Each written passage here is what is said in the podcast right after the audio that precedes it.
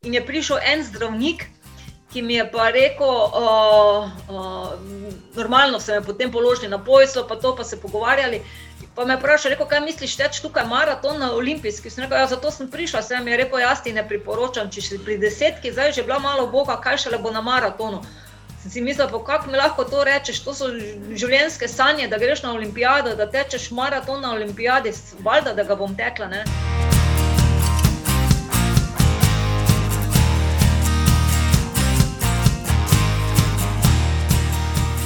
Hej, hej, živijo, živijo, to je 23. epizoda podcasta za gre za tek, ta teden je Dina, res je obsežna, res je zanimiva. Naj se na tem mestu upravičim za nekoliko slabšo tehnično kvaliteto uh, tega le uro in pol dolgega pogovora, ampak nič ne del vsebine je tako zanimiva, da vas to, verjamem, ne bo motilo, posebej tiste, ne, ki ta podcast poslušate. Hvala vsem, ki ste se že naročili ali pa še boste. Uh, ali naj si bo na YouTubu, na iTunes, na Spotify, na Google Podcasts, dobrodošli, delite, seveda, лаjkajte uh, vsebine, uh, napišite kakšen komentar, napišite kakšne ideje, vse dobrodošlo. Hvala tudi vsem za donacije, ta teden še posebna hvala Jožetu in Ervinu, hvala carjasta. Upam, da boste uživali v pogovoru z mano danes, je res uh, neverjetna tekačica verjamem, da boste motivirani in zagreti za tek. Tako da, uh, gremo, akcija. Draga Helena, dobrodošla v podkastu. Hvala za hiter odziv in tvoj čas. Ja, hvala za povabilo, sem zelo vesela. Veš, da bil je že čas, no sem rekel, ampak moram malo čas dozoreti, da se jaz tudi malo navadim navadim uh, uh, tole opočenjati, no, da, imel, uh, tak, da ne bom imel prevelike zadrege. Uh, drago poslušalstvo, spoštovane in cenjene uh, tam zunaj, to je 23. epizoda vašega obilnega podcasta in danes vam čast gostiti najboljšo slovensko dolgo progašico vseh časov. Zato Ne zamerite mi, če se mi bo kdaj, uh, mogoče malo uh, jezik zapletel, imam še ogromno respekta, seveda, pred legendarno Heleno Javornik. Helena, dobrodošla, pozdrav z Gorenske. Kakšno je vreme na Štajerskem? O, žalostno, deževno, že vse dan. Je, tudi pri nas je kislo in ukleval sem že cel dopoledne, da bi šel na res par kilometrov za dušo ali ne. Ti si najbrž posebej že tekla danes ali kako.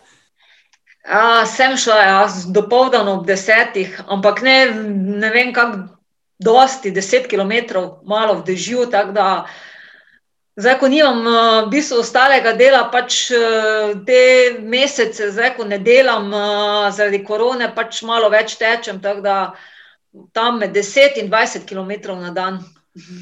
Zate je nebrž malo, no, ampak za za vse nas, ki tle zunaj to poslušamo, je pa to že kar velika kilometraža. Ti, ti še vedno, kljub temu, da profesionalno ne treniraš več, ne? še vedno tečeš, praktično vsak dan, je tako. Uh, ja, tečem recimo eni šestkrat na teden, to ko že gledam, da grem teč, ampak res je, da ne treniram več, da grem tečem za dušo, ko mi je, grem malo hitreje, ko uh, imam slabi dan, tečem tudi malo počasneje. Glavnem pa čutim potrebo, da grem, da se malo prediham, da lahko potem malo boljše funkcioniram. To mi je v bistvu prišlo v kri in uh, zaenkrat, če to vedno počnem. No, in to, to počneš že več kot 30 let. Tako da na tem mestu, uh, spoštovana Helena, dragi poslušalci in dragi gledalke, uh, da predstavim današnjo gostjo s primernim besedami. Najuspešnejša slovenska tekačica na dolge proge vseh časov, trikratna olimpika, 40-kratna državna prvakinja, lastnica, če sem prav našel podatek, 53 državnih rekordov v karieri na razdaljah od 1500 metrov do maratona, za reprezentanco nastopala 54krat, od 54 maratonov, ki jih je vtekla, jih dobila kar 17 med drugim postala tudi evropska prvakinja v Krosu, je še vedno aktualna uh, evropska rekorderka na 25.000 metrov in svetovna veteranska rekorderka na 10.000 metrov in v pol maratonu, seveda pa aktivna tekačica, trenerka svoje tekaške ekipe. V Mariboru, maserka in dobitnica tudi blotkove plakete za dosežke v atletiki. Zdaj pa, sigurno sem pozabil še cel kup stvari, prosim, Helena, dopolni me, kaj še manjka. Mislim, da si povedal kar vse, kar, eh, kar je za povedati. Tako da mislim, da nisi nič pomembnega izpustil. No, uh, tvoja karijera je tako pestra, tako bogata. Um, Porajali si mi cel kup norih istočnic, kako zapeljati tale pogovor. Ampak da je vseeno začeti uh, s prvim neverjetnim podatkom, ki ga marsikdo, ki te tudi pozna kot atletinjo, vendarle uh, še ne pozna. Se pravi, tako odlična tekačica ki je začela teči, so razmerno pozno, pri 23 letih, pa vendarle, najprej so te usmerili v tekmovalno hojo in sploh ne tek, kaj ne. Uh, ja, jaz sem, bila, v bistvu, sem začela trenirati zelo pozno, pri 23, ko danes že marsikatera punca pri teh letih konča svojo atletsko kariero. Uh, ampak enostavno možnosti prej nisem uh, imela, da bi lahko sploh trenirala, kajti živela sem čisto na podeželju, starši so bili malo starejši, sploh niso vedeli, kaj je to šport. Ampak jaz sem si to želela in tako dolgo sem si želela, da sem se potem pri 23 opogumila, šla v klub. Uh, najprej sem začela pri Kladivarju, ker sem pač uh, malo poznala ljudi iz kluba, iz uh, šolskih tekmovanj, ki smo jih imeli, kajti v srednjo šolo sem hodila v celje. Uh, in uh, začela sem v celju pri mladenu, v bistvu trenirati tek. Potem, ker sploh nisem vedela, da je v slovenski bistrici atletski klub, ker sem pač bila, mi smo živeli na enim taki meji med slovensko bistrico in slovenskimi konicami. Nekaj zemlje smo imeli pod bistriško občino, nekaj pod konice, ampak ker smo spadali pod konice, sem hodila v osnovno šolo tja in potem srednjo šolo in v bistvu sploh nisem, da imam tako blizu ne vem, uh, deset km stran ali še manj uh, v slovenski bistrici klub. Dobro, upisala sem se v celje. Ampak, ko sem šla na prvo tekmo, sem pa uh, videla bistričane, ker so pač imeli tako zelo upadljive trenerke in sem se bolj zanimala. In sem v bistvu že uh, prestopnem roku, uh, mislim, da je bil takrat septembra, uh, prestopila uh, uradno, ker sem pač bila registrirana že v celju v slovensko bistrico. Uh, tam sem pač uh, dobila trenera ki je pa potem kar hitro ugotovil, ker se pa je bil zelo neki um, Silvo Jemenšek. Uh, da, če hočem jaz hitro priti v jugo reprezentanco, da naj začnem trenirati hojo, ker je hojo tako malo uh, ljudi treniralo, oziroma punc treniralo, da bom takoj uh, reprezentantka in to je takrat nekaj štelo, če si bil v Jugoslaviji reprezentant. In v bistvu začela sem potem pri njem trenirati hojo, malo teka, malo hojo. Uh, In uh, leta 1991, ko je pa bilo uh, državno prvenstvo, je pa v bistvu hoja, ki je takrat bilo predstavljeno, za divojne, takrat poleti sploh ni bilo, je bilo predstavljeno na jesen in enostavno v Sloveniji je bilo tako malo uh, prijavljenih, dobenega interesa, hoja odpadla in sem takrat štartala 10 uh, tisoč metrov mojo prvo uradno desetko na stezi in sem tekla, mislim, da 40, 40 minut, pa 10 sekund in sem bila mhm. četrta. Eh, potem eh, sem pač v bistvu. Uh, s trenerom tam, malo sem trenirala hojo, malo teka, bil je neki taki čudni odnos, nisem se smela, on mi je prepovedal, eh, prepovedal da bi se družila z ostalimi uh, atleti na stadionu, mogla sem priti na trening in domov, ko sem šla na tekmo, um, recimo, ker si rabo neke tekme, uh, mi je rekel, eh, kaj greš na to tekmo, se ne boš dobro, ker pridejo iz Lorenca na poholju neke punce, pa te bojo vse premagali.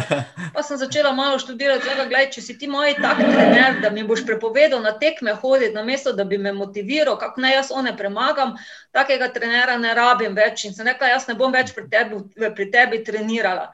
In uh, enostavno uh, sem v bistvu takrat šla na trening, ampak sem sama nekaj tekla in tekla. In sicer on mi je nekaj grozil, da mi bo dal na disciplinsko in ne vem kaj vse. Jaz pa si v glavi rekla, jaz bom pa zdaj trenirala sama in ko bom tako dobra, bo nekdo, nekdo me že opazil in bo prišel k meni in bom dobila trenera. Uh, In pa se je res po parih mesecih naredilo, da so pa v klubu to videli, da jaz pridem, pa sama nekaj tečem. In so rekli takrat podgorniku, ki je takrat treniral eno mlajš, eh, skupino mlajših atletov, je imel pionirjev in pa šalamuna. Uh, da, če bi on mene začel trenirati, ker pač sem tako zgubljena in sama, in potem pač sem v bistvu začela pri njemu trenirati. Ne. No, a potem drži tista zgodba, uh, da ti je prav podgornik sta življenjska sopotnika, tudi vse življenje pri njem treniraš, zdaj od takrat naprej. Ti podgornik, takrat, ko, ko je šel šalamu v Italijo na maraton, dejal, da je šlo zraven, če boš tole odlaufala, tako se zagrebo, pa razmislil, da te damo v te kaške vode. In takrat ti greš ta odlaufati maraton uh, in gladko takoj postaviš državni rekord. Ja, moram reči, da je res bilo tako. Jaz sem pri Borotu takrat tudi, on se je zelo uh, izobraževal in še vedno treniral hojo, ne? malo hojo, malo teka. Uh mhm. -huh. Vem, da je on živel v Rogaški in so bili na pripravah neki finci in se je on ful povezal, neki hodači, povezal z njimi, ful študiral neko literaturo, kako bi jaz dobra bila v, te, v hoji. Tako da sem še jaz, vedno moj uh, program je bil uh, v bistvu malo hoja, malo teka. Ne? Še vedno nisem samo uh, tekla pa samo hodila. In uh, čeprav uh, hodači vemo, da tudi tečejo zraven za ogrevanje, pa tako. Uh -huh. In, um, takrat se pravi, bila, sem tekla prvič uh, na stezi 10 km, potem je pa bilo še 14 dni po tistem uh, na Štatenbergu, to je klub, v katerem sem bila slovenski bistrici, so organizirali državno prvenstvo v pol maratona in jaz sem takrat štartala prvič pol maratona in sem tekla 1,1930 pol maratona. Ne? In se reče, uh, ne, 1,21, 30. Se reče, oh, to je pa super, pa vprašanje, če je bila dovolj dolga proga, super, prvič v življenju 1,21. In eh, res, eh, podgornik pa Šalamun sta se pripravljala takrat za maraton, ker je Igor pač eh, imel namen v Čezano Boskone v Italiji uh, teč maraton. In to je bilo tri tedne za tistim polmaratonom, in je pač podgornik mi takrat rekel: je rekel, Glej, mi dva sama gremo, plac, imamo avto, če hočeš, lahko greš zraven, pač probaš, koliko boš odtekla, boš odtekla. In res, jaz pred tistim maratonom, najdaljši tek, ki sem ga naredila v enem kosu, je bilo 25 km. In potem, ko sem prišla tja na maraton, se točno spomnim, on mi je rekel nekaj prolaze, koliko lahko grem, če imaš 40 minut, 10 km aha, osebnega, aha. lahko greš ti maksimalno 42, 43, prvo desetko. Jaz zaštartam tam z neki skupino italijanskih eh, tekačev. Spomnim se, en taki črni z belimi rokavicami je tekel, gledam na uro, pridem na 10 km, 38 pa pol, ne, 38 minut in pol. Jaz se kuj ustavim, rečem, moram iti bolj počasi, bolj počasi. Kaj mi bo Borod rekel, ko me bo videl na progi, nekaj se je teklo, pa smo se na enem delu proge srečali, ko me bo srečal, kaj mi bo rekel, da sem tako hitra. Sploh nisem poštudirala, da on sploh ni študiral, kako hitro jaz tečem, ne? ker sem šla kar tako zraven. Ne? Potem je pa, ker on je pa bil s kolesom, je spremljal šala Muna, uh, ker je kao on bil med favoriti in da bo dobro tekel. Potem pa šala Mun nekje na enem, že pred 30 km odstopi in takrat podgornik ni vedel kaj in je rekel šala Munu, jaz moram cilj priti, daj mi bicikl, grem jaz, uh, ne bom zdaj peš hodil, da grem jaz, da pridem do cilja s kolesom.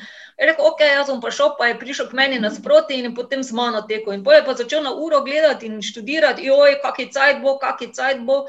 In je v bistvu, ki je pač tako ob strani tekel, pa včasih malo kje seko, pa zopet zraven prišel.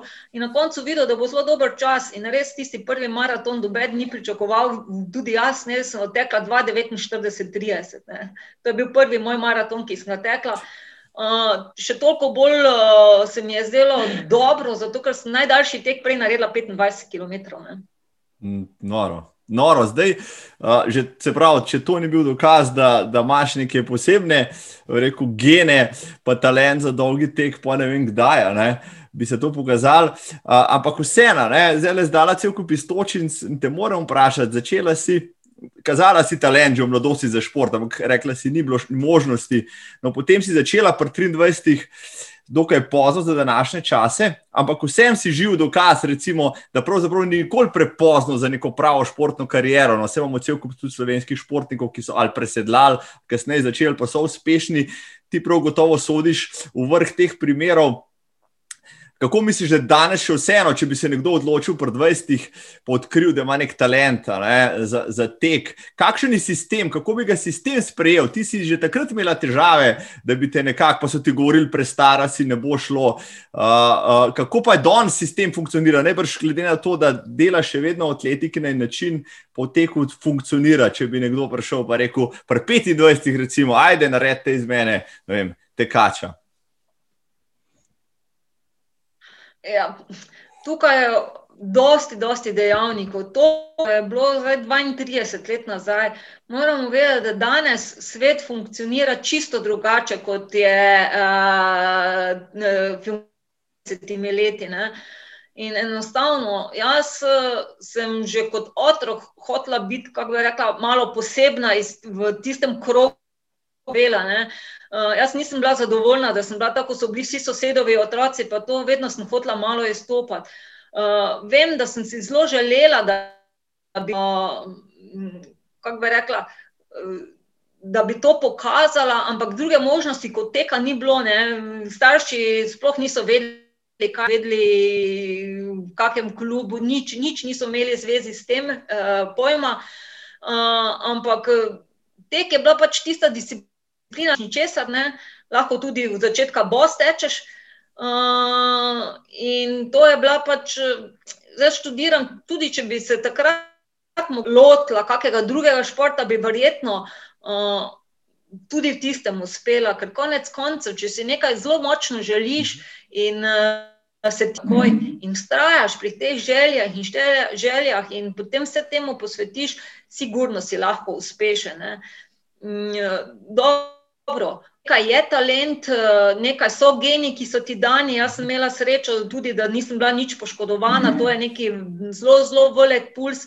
Uh, se danes vidi, da dosti, dosti uh, otrok se že poškoduje, ko ne gre več potem naprej, da bi sploh prišli do neke take točke, kjer bi lahko ustvarjali neko kariero. Recimo, da pridejo, končajo dosti prej, ko se začne sploh članska kategorija čisto odvisno, ne? Eh, kaj ima zdaj en jaz skozi dala, da pač me ni nišče eh, po rokah nosil, pa rekel, učitelji so videli, ti si talent, ti bi lahko zelo dobro tekla, zelo dobro tekla, ni pa nišče rekel, nekaj ti bomo dali. Starši niso imeli niti denarja, da bi mi copate kupili. Jaz, ko sem šla na šolski kros, sem si od eh, sosedove prijateljice od sosedov, da sem šla, ker mi je bilo nerodno teč v nekih čevljih ali pa raztrganih copatih. Ampak potem, ko sem šla v službo, sem pač že imela svoj denar in sem za sebe vlagati. Ne? In ko začneš ti, eh, ne vem, dobiš plačo, pa si vložiš notri, da si kupiš opremo, copate, da greš na neke priprave. Začneš tudi vložiti in zdaj bom vztrajal. Ni lahko vedno vztrajati, ampak če imaš to, eh, eh, to zavedanje, da pa če nekaj vložiš, moraš nekaj od tega imeti, trajati. Mislim, da je tukaj bil glavna poanta, bila v tem, da sem jaz začela sama sebe vlagati in sem ustrajala v tem. In da nisem, ker dan otroci imajo vse, kaj hočejo, vse, kaj hočejo, in potem so mhm. zelo talentirani, uh, vidijo vsi že svetovne prvake, pa pa kar naenkrat se pa mu v glavi neče, od jutri naprej pa ne bom več treniral. Uh, Pri meni tega ni bilo, ker sem pač bila tudi tako vzgojena, da smo pač mogli vsake male stvari spoštovati. Ne. Živeli smo in potem, ko nekaj dobiš, si s tem zadovoljen.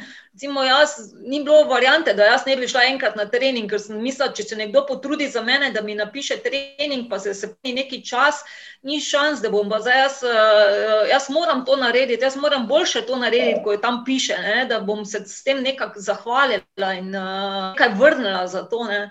Uh, danes so malo drugačni časi in je težko otroku reči, da pa, uh, je dolžen za to, da nekdo neki čas v njega je dolžen za to tudi vztrajati in mu na drug, na, na drug način nekaj to vračati. Ne? No, to si to sigurno res. Um, kljub samo danes imajo ti otroci uh, rekel, vse možnosti na način, ne, da bi se ukvarjali športi. Uh, pa, se, pa se v bistvu ne, takrat je bilo ravno obratno. Ti si začela v 80-ih, jaz se spomnim, jaz sem začela rekreativno teč v 90-ih, pa so me čuden gledali, ko sem laufal, pa sem tudi z vasi doma, izpod hribov in tako naprej. Ne, pa sem izmer rekel, da nimaš božjega dela, se zaprijeta. Ne. Ti si večkrat podarila tudi, da si tudi zrasla gor uh, v bistvu, uh, na vasi in da tudi ni bilo lahko, še, še za žensko, pa še toliko bolj, konec 80-ih, v začetku 90-ih, teč tam, še, so te še bolj čudno po, po strani gledali. Najbrž tudi ni bilo zmeri lahko, kljub temu, da si vedela, kaj hočeš, zdaj te je to še dodatno spodbudilo, da si ustrajala na tej poti, a si imela tudi, bom rekel, kdaj s tem uh, rekel, težave, da so bile to dodatne uvire, ki so te moče kdaj tudi uh, mal dale nazaj. No. Ne vem, jaz, ko sem se odločila, da bom začela trenirati, sem šla v klub. Takrat je še moja mama živela in uh, tudi včasih, recimo, jaz sem hodila v službo takrat, ne, sem šla zjutraj ob šestih do dveh, sem delala, to pomeni, šla na avtobus in sem prišla ob treh domov. Sem včasih prišla utrujena in sem šla uh, malo legniti, da bom malo zaspala, pa pride mama čez dve uri po na vrata pa pravi, Helena, kaj danes pa ne misliš iti teč? pa začnem boliti, potem pa, pa rečem, pa, ko se pa zbudim, pa rečem, če moja nikoli ni bila športnica, vedela ni, kaj je to šport, nič. Je, ona je vedela, če sem se jaz odločila za neko stvar, jaz to moram eh, speljati. In se vstanem, grečem. In potem, ko sem se odselila, ko sem živela sama, uh, žal je mama zelo hitro mi potem umrla. Takrat, kadar mi je bilo težko, sem se vedno spomnila teh besed, da če se za nekaj odločila, to moram narediti. In ni bilo vremena, ni bilo časa, da jaz ne bi šla. Včasih sem že zjutraj ob štirih pred službo šla, pa sem tekla, recimo pol petih, že prvi trening naredila, ker od začetka sem še prva leta hodila v službo in sem še dvakrat na dan trenirala. Uh, to so bile take stvari, ki ti potem celo življenje, kako mi je bilo težko, sem se na to spomnila. In uh, mi je res to pomagalo, še danes ne, vidim, da res nisem živela v izobilju, nisem imela če, ne, kot otrok, smo bili nikoli dobenega dopusta, dobenega morja, nismo videli dobene tujine, dobenih izletov, ničesar. Uh, ampak starši so pa dali tiste osnovne, osnovne stvari, da znaš nekaj, da se potrudiš, da narediš, da vztrajaš. Eh, eh, neke take stvari, eh, splošno življenjske, ki so pa tudi pri športu potem pomembne. Ne?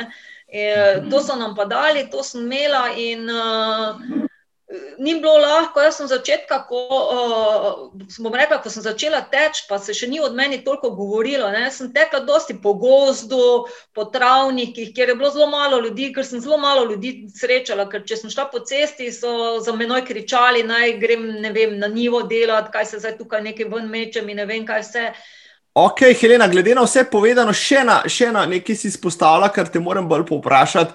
Kakšna pa je vloga, recimo, vloga pravega trenerja v razvoju tekaškega potencijala ali pa tekaške kariere, recimo tekačice kot si ti. Mar si kdo, tudi vrhunski tekači danes, se najde se kakšen, ki bi sam treniral ali pa so trenira sam, ampak. Sam brško ne težko sebe oceniš od zunaj, pa objektivno. Ne imaš zmeraj neke druge, rekel, subjektivne uh, probleme s tem, s to oceno, pa s planiranjem treningov, pa z nadzorom, in tako naprej. Ne? Kakšno je tvoje mnenje v tej smeri? Ja, sem, moje mnenje je, da enostavno vrhunski uh, športnik rabi trenera.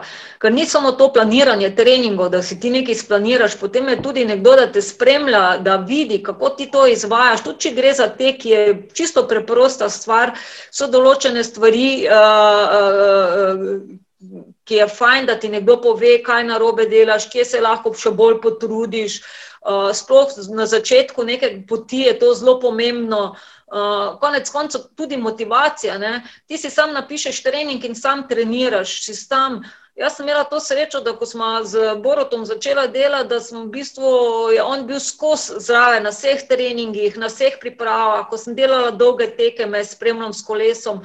Enostavno vidi in te tudi že od začetka zraven popravlja, kaj ti na robe delaš. Ne? Ker tek je pač taka monotona, uh, monociklična stvar, ki ti pride v kri in če ti nekaj na robe delaš, boš enostavno pol skozi na robe delo, ne? da te že skozi od začetka popravlja zraven. Uh, tudi za motivacijo. Uh, jaz mislim, da uh, vrhunski športnik rabi trenera. Konec koncev tudi, da ti uredi neke tekme, da se z drugimi pogaja, z druge stvari, da se ti lahko posvetiš res izključno samo uh, tisti disciplini, ki jo treniraš, v bistvu teku in se temu posvetiš.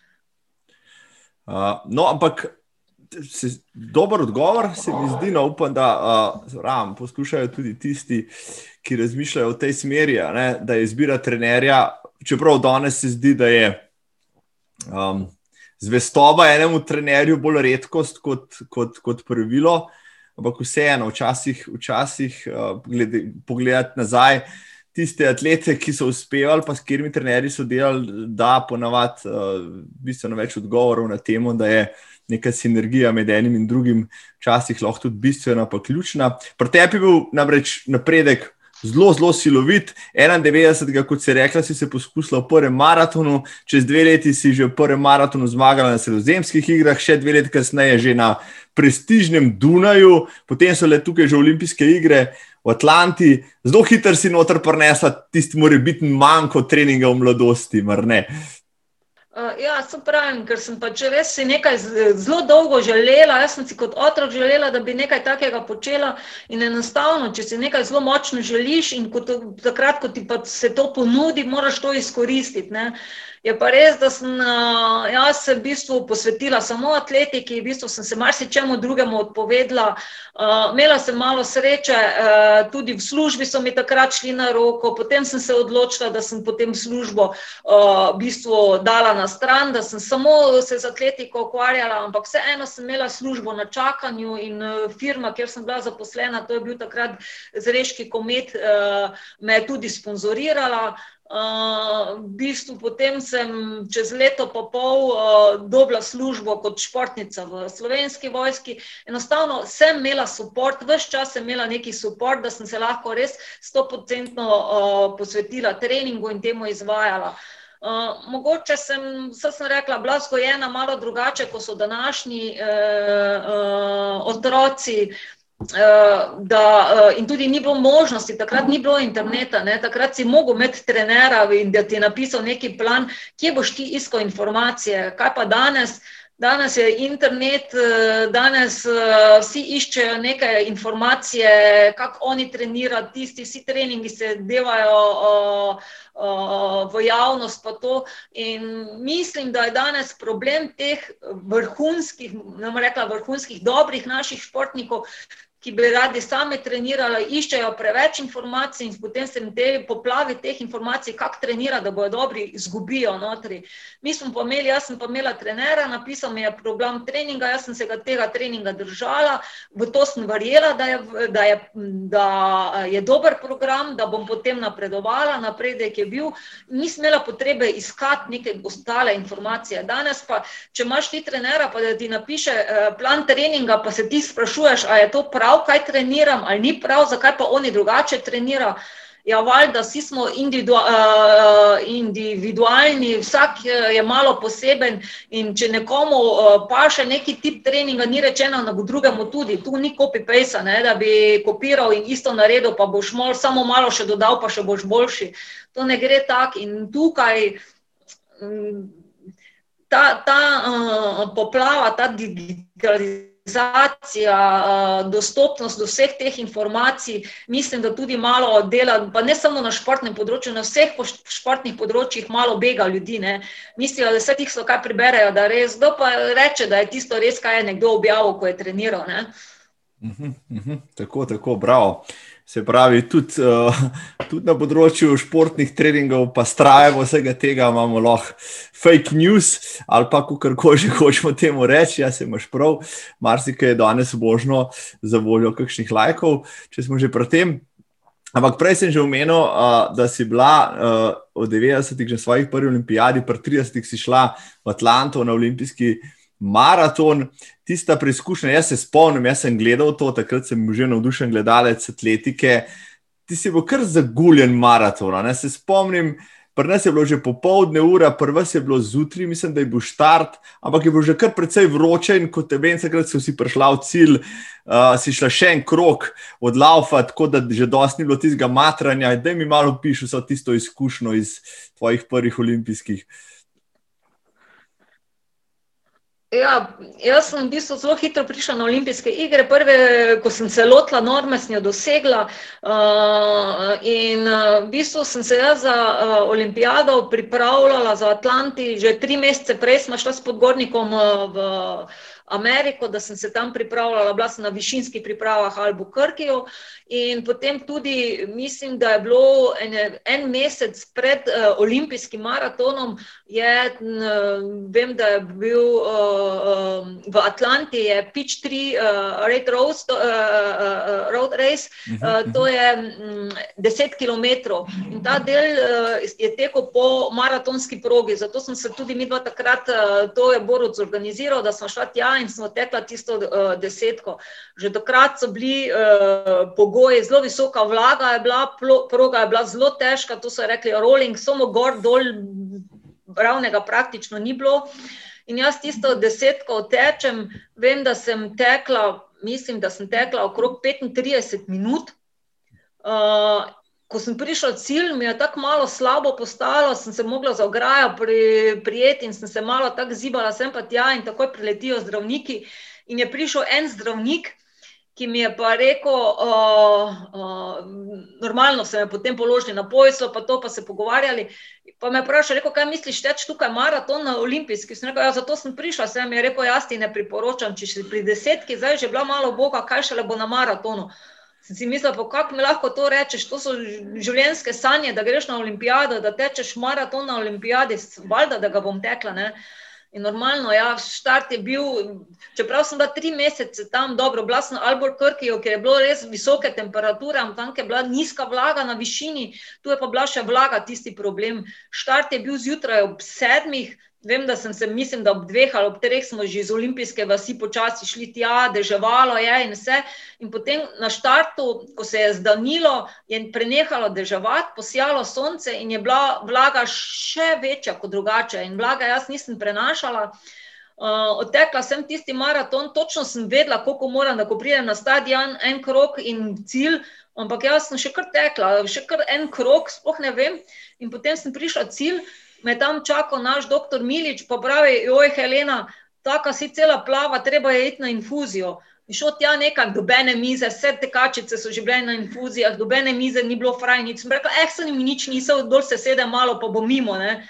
In potem je pa kar naenkrat začelo trest, dihati nisem mogla in trenutku se je najdla miza ne? in takoj so me dali na mizo in merili temperaturo, normalno sem bila ful pregreta in potem so me uh, uh, ti Amerikanci dali v neke uh, obložje z nekimi ledenimi vrečami, da so me malo ohladili in so me to prehitro podhladili, sem se začela cela pajtlat, pikali so me po rokah, vprašam doktor Miliča, kaj me te toliko pikajo, je rekel, ja, dobene žile ti ne najdejo, ne. In potem so res znašli žile, da so mi v obeh rokah hkrati dali infuzijo, in ne vem, koliko mi je preteklo. Uh, glavnem, totalno sem dehidrirala na tisti uh, tekmi takrat. Um, Borod je bil tam, ampak ni bil uradno v reprezentanci in on uh, mene je videl na cesti tam na zadnjem in bolj sploh ni vedel, kaj se je dogajalo z mano. Šele popoldan, štart je bil zjutraj ob sedmih, jaz sem še mislim, da popoldan ob petih uh, prišla v olimpijsko vas, um, potem kar hitro po tistem šla domov, tako da je bila ena taka res huda izkušnja, no? ampak um, to mene ni, kako bi rekla, da bi rekla, zdaj pa ne, ne bom več tekla maratona, pa nič. Bila sem malo razočarana, ker nisem tekla časa takega, ki sem si zastavila, sem tekla kar precej slabše od osebnega rekorda. Uh, in potem smo ugotovili, kaj narediti, in smo rekli, ok.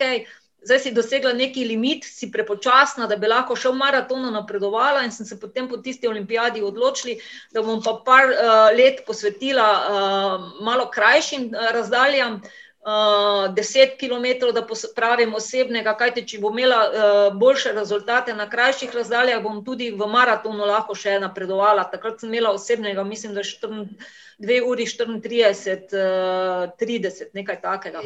Trenirati krajše stvari. No sem pa takoj ugotovili, da pač imam ogromne rezerve, kjer pa a, a, sem kar napredovala. Ne? Vsako disciplino, ko sem se je lotila, in desetko sem popravila, in petko, in trojko, in 1500. In leta 2000, ko sem se za naslednjo olimpijado pripravila, sem celo na državnem prvenstvu na 800 metrov bila tretja z 2,5.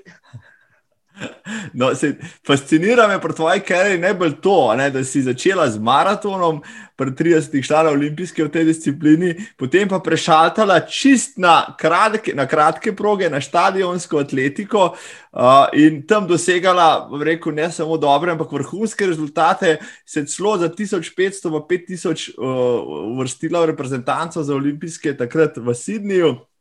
Noro, no, danes, danes takega razvoja atleta praktično ni več nikjer videti. Ne? Začne se ponavadi na srednjih progah, pa potem napreduje, ampak pri tebi je bila ta zgodba malo obrnjena in kljub temu zelo, zelo uspešna. Ja, se pravi, blizu je tega, jaz, ker tisto, kaj so ostale dale na začetku skozi, ne, jaz te poti nisem imela, da bi postopoma začela.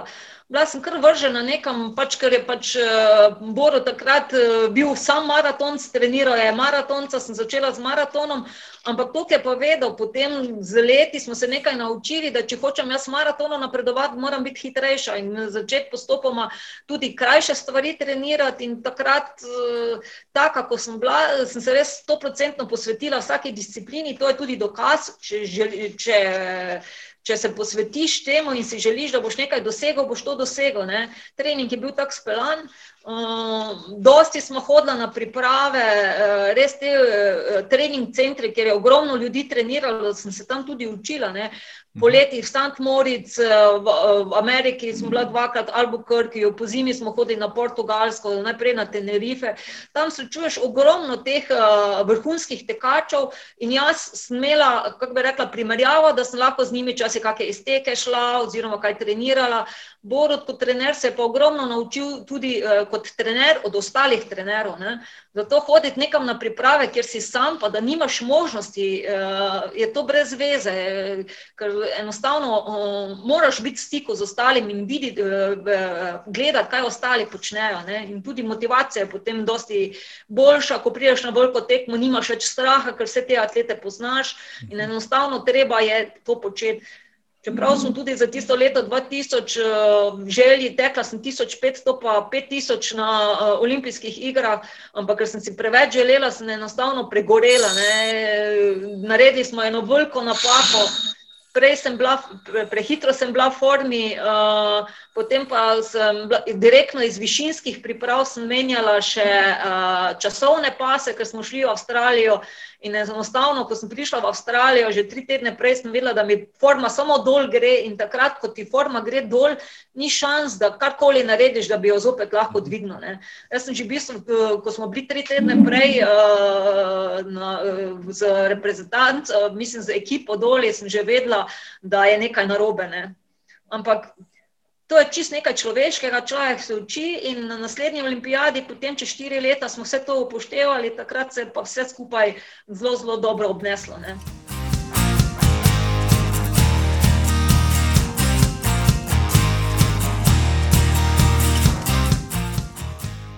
No, Preden se preselimo v Atene 2004, mi še povej, Kako se je pri tebi potem trening ta razlikoval? Najprej maratonski, predstavljam si, da je tam bilo več distance, pa tako naprej.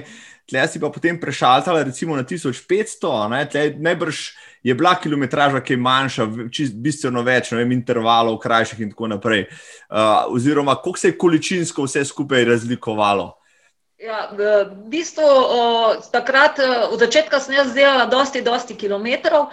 To pomeni, da sem imela zelo dobro zdržljivost. Ne? V vseh tistih letih sem natrenirala zdržljivost, in potem, ko smo spustili uh, uh, obseg uh, in šli na intenzivnost, uh, In glede na to, da po mojem tudi gensko nimam nekih, uh, nekih problemov, nisem imela v, bistvu v celi karieri dobene take uh, omembe vredne poškodbe, razen leta 2004-2005, en plantarni fascitis, da nisem bila nekako uh, skoraj nikoli poškodovana, že kakšna mišica malo zategne ali pa kaj takega, da bi pa imela neke poškodbe, da bi mogla zdraviti in ogromno časa spuščati ni bilo. In enostavno se je pa videlo, da pa uh, uh, lahko tudi na krajših razdaljah uh, sem zelo uspešna. Borod se je poglobil, naredil trening, imel tudi, uh, rekla, tudi z drugimi trenerji, se malo posvetoval, uh, malo raziskoval to smer, in enostavno nam je šlo. Ampak se pravi, če si nekaj želiš in tisto počneš, če si taki tip človeka, boš vse naredil. Jaz, po mojem, tudi um, kot otrok sem imela, čeprav nisem takrat trenirala dobenih nekih stvari, ampak motoriko sem imela zelo dobro. Ne. Dosti smo pla, plazili, skakali po drevesih, eh, hodili. Tako da že v osnovni šoli recimo, sem bila zelo dobra v skoku daljino, v šprintu sem bila zelo dobra, sem v šoli, na šolskih tekmovanjih in v korosu. V bistvu sem imela vse te stvari, sem imela. Ampak potem, ker tako dolgo nisem šla in pri 23 letih, ko sem začela, Prvič, ko sem šla na testiranje na preprogo, sploh na preprogi teč nisem znala. Ne? In tisti en pač trener, ki se pač že takrat čutil malo ogrožen od svoje atletinjo in so mi izmerili VO2 max in so mi zelo slabo zmerili. Zakaj? Zato, ker niti nisem znala teč, da bi svoj maksimum lahko dala takrat na preprogi, nisem znala, ker me je bilo strah, ker nisem še nikoli na preprogi tekla. Ne? Ampak sčasoma se potem človek navadi vseh stvari ne?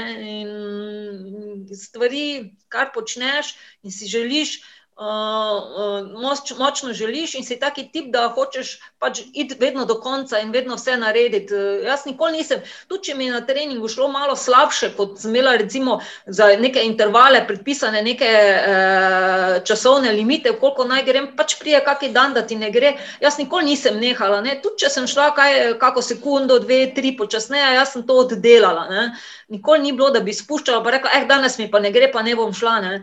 Ker se mi zdi, da tisti treningi, ki jih s težavo narediš v nekem pripravljalnem obdobju in toliko več truda notri vložiš, da se ti potem, ko zgradiš neko formo, da se ti to vse obrastuje. Ne? In sem potem tudi glede, bila navajena, da jaz v bistvu sem zelo malo krat odstopila. Ne? Jaz nisem, da bi šla na tekmo, pa odstopila, pa danes mi ne gre, pa bom, ne bom šla na tekmo. Ne? Jaz sem celi svoje karieri, 54 maratonov, ko sem tekla, sem samo trikrat odstopila. Nikoli pa me časi bo rekel, zakaj si pa šla v cilj. Ja, zato, ker če bom tekla 30 km, se še bom normalno potrudila, pa bom šla 12 km do cilja, pa če grem po vseh štirih, ker se mi je zdelo škoda, da sem 30 km garala, pa bi pa kar tako odstopila. Ne? To je, to je prava zmagovalna mentaliteta, bi človek rekel. In, in brško je tudi ta prispevala k še eni zgodbi, no, teh je cel kup, ampak tam je spet padla v oči leta 2002, prej si umenila, veliko ste trenirali v Medeljunu, no, Evropsko prvenstvo v Krosu 2002 je bilo pa ravno tam. In menda je pihala močna burja, uh, tja si šla na tekmo kot reprezentantka, niti ne kot favoritinja, ampak na koncu si presenetila vse in odnesla zlato medaljo. Kako je bilo tam? Daj mi še to povej, prosim. Uh, Ja, to je zelo, zelo kako bi rekla, zelo neka posebna zgodba. Uh, jaz sem takrat vedela, da sem zelo dobra, kajti 14 dni pred tistim sem jaz tekla uh, maraton v Firencah, zmagala, tekla sem 2 uri 28, uh, osebni rekord, jaz sem vedela, da sem zelo dobro pripravljena. Uh, Medulin smo poznali leta in leta, smo hodili na zimske priprave, Medulin sem vse poznala. Uh, In točno se spomnim, en teden pred maratonom smo šli kot cela ekipa, uh, ta, uh, za kros, uh, ki smo na krosu potem nastopali, reprezentanca, smo imeli kao reprezentančne priprave. Šli, jaz en teden po maratonu nisem imela kaj trenirati, stvar sem se malo pod progi, ker smo vedeli, kje proga poteka, malo steč. Potem sem se pomalo hecala, pa sem zadnjih 150 metrov malo šprintala v cilj, sem rekla, gled, da malo natreniram, če bo ki potrebno čez en teden uh, finiširati. Ne? In še vem, da je bil pač trener Bojan Ogrinc, ki je bil tudi tam, pa je takrat Sonijo Romanovo treniral, uh, tako se je stano obrnil, pa se je začel sme, smejati, je rekel, kaj boš zdaj ti tukaj trenirala, finiš. In res je potem prišlo čez en teden, da sem glih v tistem no, v norem vremenu, v tistem finišu, ki je pa motion, ker je burja pihala direktno prsa zadnjih 100 metrov, ker smo pač od morja gor tekli, po hribu gor in veter prsta in močno, da sem takrat premagala. Moram pa reči, da jaz sem taki tip, da če me nekdo nekaj razkuri, mene to tako podkuri, da in to je pa bila tista zgodba. Uh, En dan prej smo šli, kao Kežar, pa Kosmač, pa vsi ti reprezentanci smo, smo šli v, um, v Medulin na kavo in je bila zraven tudi uh, Sonja. In ko pridemo nazaj v Avli, Ogrinc pa pravi, Sonja, jaz ti prepovedujem, da se ti s Heleno družiš, zato ker ti ona moralo zbija. Ne? In ona Sonja pride k meni in to. Namesto da bi bil spoh vesel, da jo zraven vzamemo, pa da se malo, pa nismo se o tekmi nič pogovarjali, da se malo sprosti, že na tik pred tekmo, mislim, en študiraš, namesto da bi bil vesel, da smo jo zraven vzeli in reče, da je prepoveduje se z mano družiti, se nekaj ti bom jaz že jutri pokazala, kaj je to. In enostavno to me je čutila, kot da bi imela ogen in sem bila prepričana, da se bomo jaz maščevala in bom jaz že dokazala. In v tistem sem bila, kako bi rekla, sploh nisem opazila ne vetra, ne vsega, meni je samo žgalo, da moram teči, teči, teči. Ta varianta so mi rekli, Pa videla si, da imaš medaljo, zakaj si šla, to mi je rekel, eden, pač, ko je bil dolje, šala mu je rekel, zakaj si te šla finiširati, če si videla, da sem bila na tretjem mestu. Rekel, ti si pa bučma, rekel, takrat sploh ne razmišljaš o medalji, jaz ne razmišljala o zmagi, ne o medalji. Ker če razmišljaš, in se eno lahko potem še od zadaj pridejo, pa niti tretji nisi. In jaz nikoli nisem bila tega, da se bi bila s tem zadovoljila, jaz takrat nisem eh, med tekmo Dalje jaz sem razmišljala samo o zmagi in na koncu sem res zmagala. Ne. Prav, res nevreten rezultat. No, takrat, uh, mislim, da uh, bo še nekaj časa trajalo, da bo še kakšna slovenka ali pa slovenc posegel po takem rezultatu. Bo, čeprav na Evropskem vrhu, krosu, ki je tudi zelo kompetitivna disciplina. No, ampak v tistih letih si bila res vroča, rekel, podirala si državne rekorde, tudi za stavo, dobivala uh, maratone in rekel, za današnje čase bi lahko rekel, kar v letih, no, po 38 si bila uh, na, uh, v, v, v Atenah na olimpijskih in tam odtekla tudi potem v finalu državni rekord na 10 km, ki je bo še kar nekaj časa stal kot menik 31. Uh, Pa nekaj sekund, to mi boš ti povedala, koliko. Uh, Prav nevrjetno. 31, nič šest. 31, nič šest, tako. Prav nevrjetno. No, in potem še dve leti kasneje pa postavlja še evropski rekord, ki je tudi, če mislim, da aktualen na 25.000 metrov na stezi. Noro, no, ne pri teh letih, ko bo rekel marsikdo, ne, niti ne razmišlja o kakšnem vrhunski atletiki, si blati na vrhuncu svoje kariere. Pravzaprav. Eh, moram reči, da vsaka taka, ko sem rekla to, kar sem doživela v Medulinu, vsaka taka zmaga, vsaka taka tekma. Uh, Te dvigne. Sam sem potem po tistem medulinu bila povabljena še na te največje evropske krose, ko so bili v Španiji, Italiji. V bistvu sem jaz tisto sezono vse zmagovala, tudi Afričanke, ki so prišle, sem premagala in tudi finiš, če je bilo treba, sem premagala. Uh, enostavno en taki rezultat ti potem dvigne tvojo samest in ti samo greš, ne, ne poznaš več, uh, da bi se nekje v zadnji šlepal, pa potem šel naprej, pa kak bo bo. Ne. Ti imaš tisto zmagovalno mentaliteto, vse varjeno in uh, razmišljaš samo o zmagi. Uh, Za Atene smo se pa tudi dosti dobro pripravljali, vedela sem, da sem dobro pripravljena, takrat uh, tudi uh, vedela. Uh, sem, da moram držati eh, eno evropejko, prokopču, kako je, vedela sem, dobro sem pripravljena, grem na tekmo, tekmo zelo pozno zvečer in sem rekla, aha, če me eh, ta prve ne bojo eh, prehitele za en krok, sem dobro na poti ne? in potečem, tečem. Prvi, ki vem, da je bil zelo počasen, 23 je bil, ne? na koncu je to popreček uh, 3-1. Uh, prvi kilometr sem zgubil 19 vse sekunde na pravem končnemu rezultatu.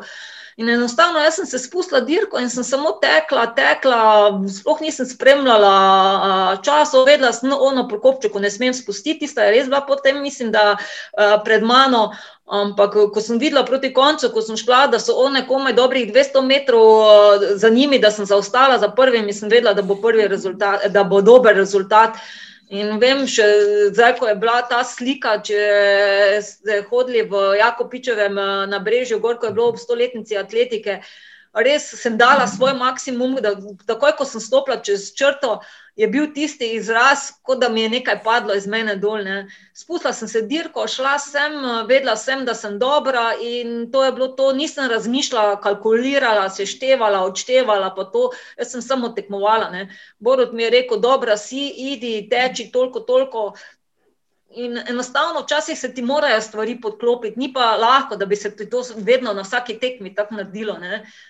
Mm, in Atene so bile res nekaj posebnega tudi takrat.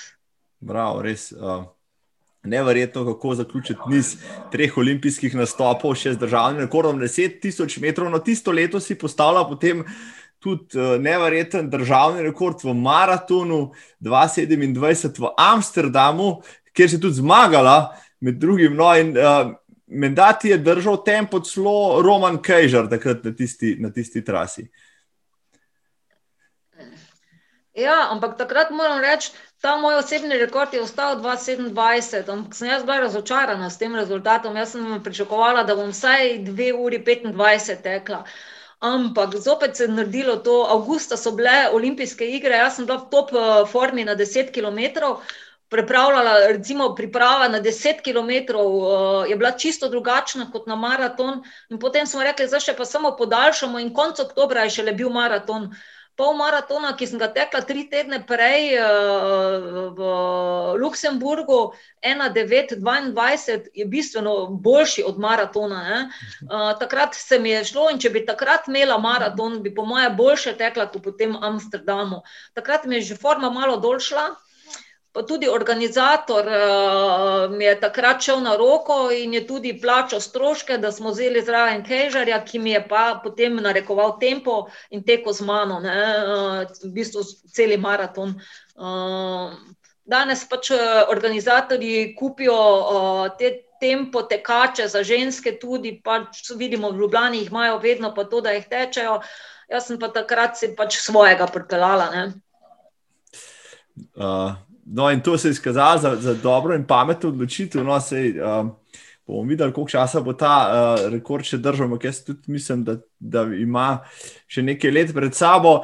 Uh, da jim povej, zdaj si bila že pač uh, blizu svojih 40. Praviš, da je več brez poškodb, ali si kaj poleg te raznovrstnosti v treningu, ker je ne brž pomagalo k temu, da ni bilo neke uh, pretirane, bom rekel, uh, poškodb, pretirane rabe uh, rekel, določenih mišic. Ali si počela še kaj drugega, no, ne vem, uh, kakšno raz, posebno raztezanje, moče masaže in tako naprej, ki, ti, ki so ti pomagali k temu, ali pa posebno ogrevanje in tako naprej, uh, ki bi ti pomagali pri tem, da, da bi se uh, dejansko uh, obdržala takrat na sceni že vem, 15 let in več, ne, brez omembe vrednih težav. Uh, jaz nekih ostalih stvari nisem imela. Je pa res, da sem jaz uh, imela, uh, bila sem vse čas profesionalka, vse čas sem posvetila, lahko jaz nisem hodila v službo, jaz sem bila 15 let zaposlena v slovenski vojski. Tu je država šla zelo, danes nekdo govori, nimam nič, zaposlen tam pa nimam nič od države. To je bil zelo velik prispevek. Meni se ni bilo treba boriti, da bom šla v službo, pa po službi nekaj delala. Meni je bila to služba, ne? da sem pošiljala plane treningov, pa realizacijo, vmes sem pa lahko trenirala, imela zagotovljeno eh, vse te osnovne stvari. In jaz sem imela taki sistem. Eh, z Borotom smo bila takrat že skupaj, ampak jaz sem hotla nedeljo zvečer imeti na listu papirja napisan trening za cel teden. Uh, zakaj? Zato, da sem se jaz najprej uh, videla, kaj bom trenirala dvakrat na dan, da bom ostale stvari uh, si lahko kombinirala. Najprej je bil trening, potem pa še vse ostale stvari, ki sem jih imela za urediti.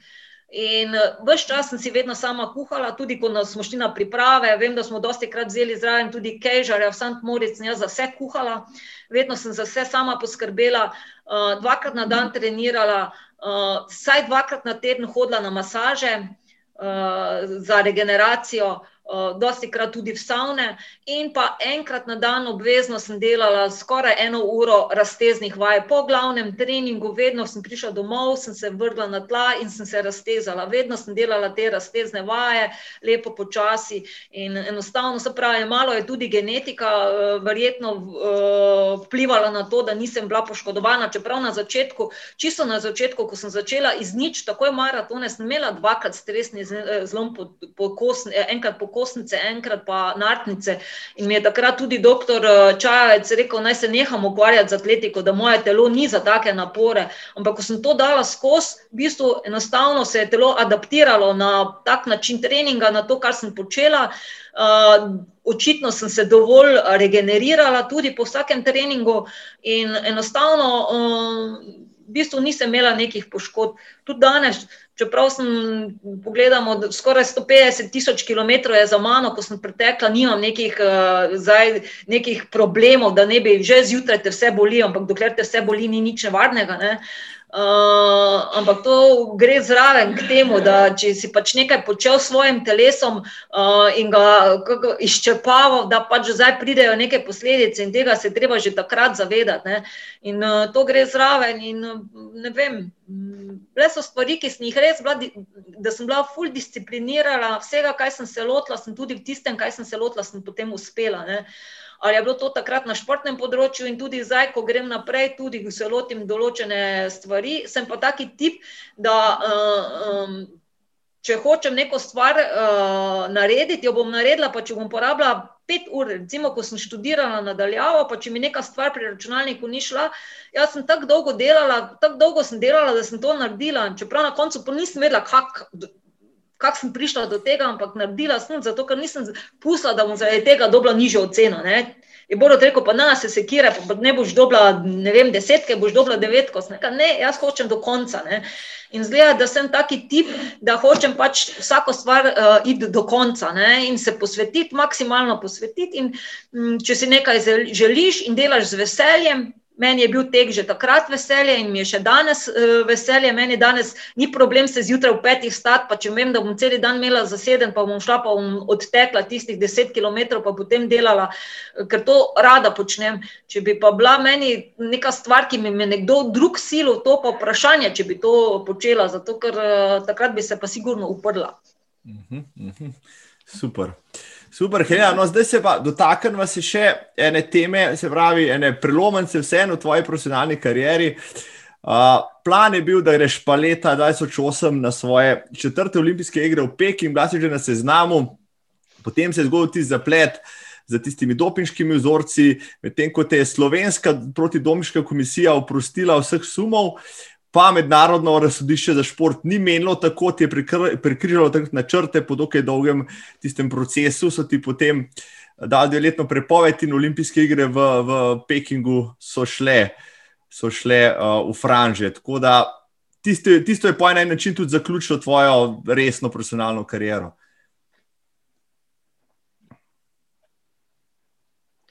Ja, uh, moram reči, da sem res imela v planu in uh, sem si želela, da sem svoje olimpijske nastope začela z maratonom in da bi jih tudi z maratonom končala. Takrat sem bila stara uh, v bistvu 42 let. Uh, ne, 38, ja, 42, uh, ja, 42 let. Uh, imela sem izpolnjeno normo, tudi ki sem jo v televizijo šla, 2029, pa še nekaj malega. Uh, Ampak uh, takrat je bila ena zadeva, da enostavno uh, ena avstrijska tekačica je poiskala, uh, ena Eva Marija Gradvol je takrat poiskala neki kontakt, poznali smo se na videz, ker sem jaz dosti uh, v Avstriji tekmovala in tudi tekmovala za en avstrijski klub. Navezala stik zboru, tom češ, da bi skupaj sodelovali, da bi vsi napredovali, hodili smo tudi na skupna priprave, smo enkrat celo šli in bili tudi na eni skupni tekmi v Avstriji. In takrat uh, je bila uh, doping kontrola, in uh, bile smo tri tekačice, še Suzane Pumper, in uh, enostavno, malo sumljivo je bilo že takrat, da so na štartu štart predstavili. Kar smo kasneje izvedeli, da so štart za pol ure predstavili, ko smo že bili vsi na štartu, tekli smo 21 km v Pratru na Dunaju. Uh, ker je pač tisti, ki je prišel doping kontrolo nenapovedano delati, je zamujal in ker so oni vedeli, da ne bo pravi čas prišel, so štart predstavili. In kaj se je zgodilo potem? Vzeli so nam vzorce in uh, normalno, dosti krat sem že bila na doping kontroli, ogromno krat vse je bilo ok, tam je pa nekaj, vse, nekaj čudno vse potekalo, uh, eni so bili ful nervozni, ne vem zakaj. In potem, preden sem jaz dobila rezultate, da je moj rezultat pozitiven, je že uh, od one eh, Marije, Gra, Eve Marije Gradvol, trener klical in je rekel, da so kao vsi trije vzorci pozitivni. Pa je Borod rekel, pa ne more biti, pri Heleni sigurno ni pozitiven je rekel, da ja, vsi trije so pozitivni. In seveda, potem šele naslednji dan dobim klic iz um, dr. Sredka, ki je klical iz naše antidoping komisije, da je res rezultat pozitiven. In potem sem rekel, da to je nemogoče. In so tudi, ko sem šla na B vzorec, uh, je šel zraven, ker sem rekel, nimamo kaj skrivati, ne gre zraven. Je tudi predsednik antidoping komisije šel zraven, da je bil prisoten pri odpiranju B vzorca. In tudi uh, smo rekli, da je to nemogoče. In ko so prišli rezultati, to je trajalo tri dni. Uh, rezultat na EPO je takrat, uh, cela procedura je trajala tri dni, da je prišlo do rezultata. In ko smo tam gledali, je bilo vse čudno. Neki, uh, in so rekli, to, to ni pozitivno. In je on tudi bil, uh, kaj že pred. Uh, direktor laboratorija, celi neki rdeči, prestrašen, in potem enostavno so rekli, da ja, je vseeno, ker je moglo biti drugo mnenje, je klical nekam v Španijo in kao, da je to pozitivno. Uh, uh, in, uh, Potem, ko smo dobili mi, uh, normalno, Atletska zveza je rekla, da to ni uh, pozitivno na zaslišanju in vse, kar smo uh, predložili, dokaze in vse to, da ni pozitivno. In potem, ko smo dobili dokumentacijo iz uh, avstrijskega laboratorija, se je točno videlo, da sta bila dva rezultata negativna, potem je pa bil uh, moj rezultat pozitiven, ampak je nekdo prečrtal in je moj rezultat uh, naredil pozitivnega, od Eve Marije Gradvol pa negativnega. In uh, normalno, uh, Mednarodna atletska zveza se ni strinjala s tem, da je mene Atletska zveza Slovenije oprostila. Uh, šli smo na CAS. Uh, Na CAS-u je to ogromno, bili so zraven direktorji laboratorijev iz Rima, iz Pariza. Mislim, da so Vada je bila po tej videokonferenci prisotna. To je trajalo zaslišanje cel dan, od 8 zvečer do 6, od 8 zjutraj do 6 zvečer, pa še ni bilo končano. Ne? In enostavno nismo bili pripričani, da smo dokazali, da, da je v bistvu ni bilo to pozitivno, v bistvu napako sem naredila, ker smo mi hoteli dokazati, da jaz nisem bila pozitivna. Če bi jaz šla v proceduralne napake, bi sigurno postopek dobila, ampak ker sem vedela, da nisem pozitivna, smo mi hoteli dokazati, da uh, enostavno nisem, da, uh, nisem bila pozitivna. In uh, oni se potem tri mesece ni prišlo do uh, odločbe, po treh mesecih so zdali odločbo in so rekli, da sem vseeno jaz kriva, da sem suspendirana za dve leti. Več kot eno leto je že minilo od takrat, ne, ker se je postopek eno leto vlekel, uh, točno eno leto, uh, ampak Kaj je pa bilo čudno, je pa bilo to, da meni niso naložili dobenih stroškov. Smo, eh, naša ekipa je bila cela, eh, eh, imeli smo dr. Čurinovo, pa predsednik antidoping komisije, pa dvojni odvetniki, pa Borod, pa jaz in vsi ti ostali strokovnjaki na drugi strani, ki so bili, ne vem, kdo je kriv stroške, ker meni niso naložili dobenih stroškov, rekli so, da je bil zelo pomemben case in da enostavno, da uh, jaz nimam s tem dobenih stroškov. Čeprav me prej Mednarodna atletska zveza, ki pač vsako pisanje, ki je bilo, nekaj smo si pač dopisovali preko atletske zveze, so oni vedno opozarjali, stranka, ki izgubi, krije vse stroške, stranka, ki izgubi. Na koncu sem jaz izgubila, ampak stroškov pa nisem poravnala. Tako da je tukaj bilo malo čudno, da so nekaj kompenzirali, po drugi strani je pa za razumeti da če bi oni mene takrat uh, dejansko oprostili, bi prišlo do domine efektov in bi se še vsi ostali, ki so takrat uh, imeli podobne primere in so izgubili, bi še ponovno odpirali te probleme in bi nastalo ne vem kaj. Glavne malo so pač skompenzirali, eno leto je že minilo, eno leto še nisem nastopala in na koncu je to bilo to. Je pač nekaj naučila, da se jaz enostavno, ker ona, Eva, Marija Gradvol, njen trener je bil uh, Helmut uh, Majer, ne, tisti, ki poznajo biatlon in uh, nordijsko smučanje, vejo, kdo je to. In enostavno um, preveč se zaupati nekim nepoznanim ali pa na videzno poznanim ljudem se ni. Ne. In enostavno tukaj sem jih malo preblizu k sebi spustila, da so potem to izkoristili, tisto svojo napako, ker enostavno mislim, da je pa imel uh, takrat uh, Majer pač neke veze v laboratoriju v, na Dunaju. Ne. Taka šola nekaj stane, nekaj smo se naučili, slaba izkušnja, mislim, ni prijetna izkušnja od tega, ampak uh, stvari, ki jih nikoli ne pozabiš. In to je to. No, kljub temu, no, se pravi, da ti, ti četrte olimpijske niso bile usvojene leta 2008 in si rekla, da pač tvoja vrhunska atletska karijera zaključena. Pa sem vsem bral, uh, potem spomladi 2012, se spomnim, da Helena Javornik pa gre vsem po normo za maraton za olimpijske v Londonu. In se spomnim, potem smo spremljali tisti maraton v Utrehtu, ki je bil svoj vrstno, kar nezbirna tekma za slovensko reprezentanco, tam je laufala Žana Jereb, pa Neža Mravle, pa ti si bila. Ne? In v bistvu so se prav tam se na en način pomerili potem za tisto uh, mesto v reprezentanci, za tisto B-normo, ki je vodila eno atletinjo v London. Uh, kako je to izgledalo tam uh, takrat uh, v Utrehtu? Ja, to, je bila, to je pa bila zopet zgodba. Mislim, da je to bilo leta 2012. Ja, za leta 2012 so bile olimpijske, 2011. Jaz sem takrat hodila že v službo, ne, ker sem potem, ko sem zaključila kariero, leta 2010, uh, 2011 sem šla v službo, sem delala na sodišču in sem rekla, da ja, bom pa probala še malo teči, čeprav uh, uh, uh, ni bilo realno, ne, ker pač zakaj rečeš, da bo šel? Zato, ker so bile smešne, te B-norma je bila, ne vem, 240, ali koliko je bila B-norma. Jaz sem leta 96 ja. mogla norma teči 2 uri 35, 2 uri 35, da sem lahko na olimpijado prišla in se spomnim, da sem takrat tekla na Dunaju v nekih izjemnih razmerah, snežilo je pa tako 234, 50, da sem za las izpolnila normo. Potem je pa bilo, ne vem, uh, toliko let kasneje, pa norma 42, ne? ampak ena bi lahko šla s to normo, ker je to bila B-norma, ena bi lahko šla in mislim, da je takrat od nas najboljša bila Žana. Vem, da je Kežar vleko tudi, ne? zajček Kežar. Je že mene prej toliko teko, ker je on tudi treniral. Uh, in jaz sem pa takrat odtekla, mislim, da 2,46 ali koliko potem. Uh, Če zdaj študiram, glede na to, da sem pač že bila toliko stara, pa da sem vmes, že, mislim, nisem bila več stoprocentno sfokusirana samo na atletiko, da sem to še ob službi hotela, je bilo mogoče tako malo nerealno pričakovati, da bi pa šla neko normo. Čeprav s takim rezultatom 2,40, potem nimaš tam kaj iskati. No, to, to je res, no, ampak vseeno, kot si rekla, ne, za marsikoga je pač uh, olimpijski nastop vrhunec karijere, ne glede na to, kako je tja prišel. Se zdaj, zdaj ni več tako lahko, te norme so zdaj zaostrene, uh, res bistveno, bistveno bolj.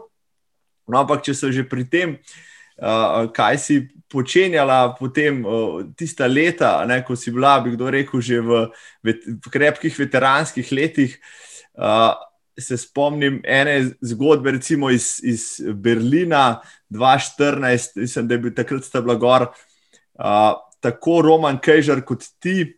Z Romanom smo še srečali, se, mislim, da je bil uh, z 2,27, ne sem, da je bil, sigurno je bil daleč najhitrejši slovenc, ti si bila z časom po tri ure najhitrejša slovenka in sem rekel, no, uh, pri skoraj 50-ih sta najboljša slovenska maratonca, veterana iz, iz uh, nekih drugih časov, pa sicer državna rekorderja, ampak vseeno, jaz rekel, kako bi pa to izgledalo, če bi šla oba dva ne, na državno prvenstvo zdaj, pa pobrala naslove, to pa bi bilo hecno. In pol dve leti kasneje smo po uradencih in tam po mikrofonu razglasijo, danes pa svoj 50. maraton teče uh, Abrahamovka Helena Javornik. Uh, z štartno številko 50, in to si res odtekla, pa ne samo odtekla. Ne?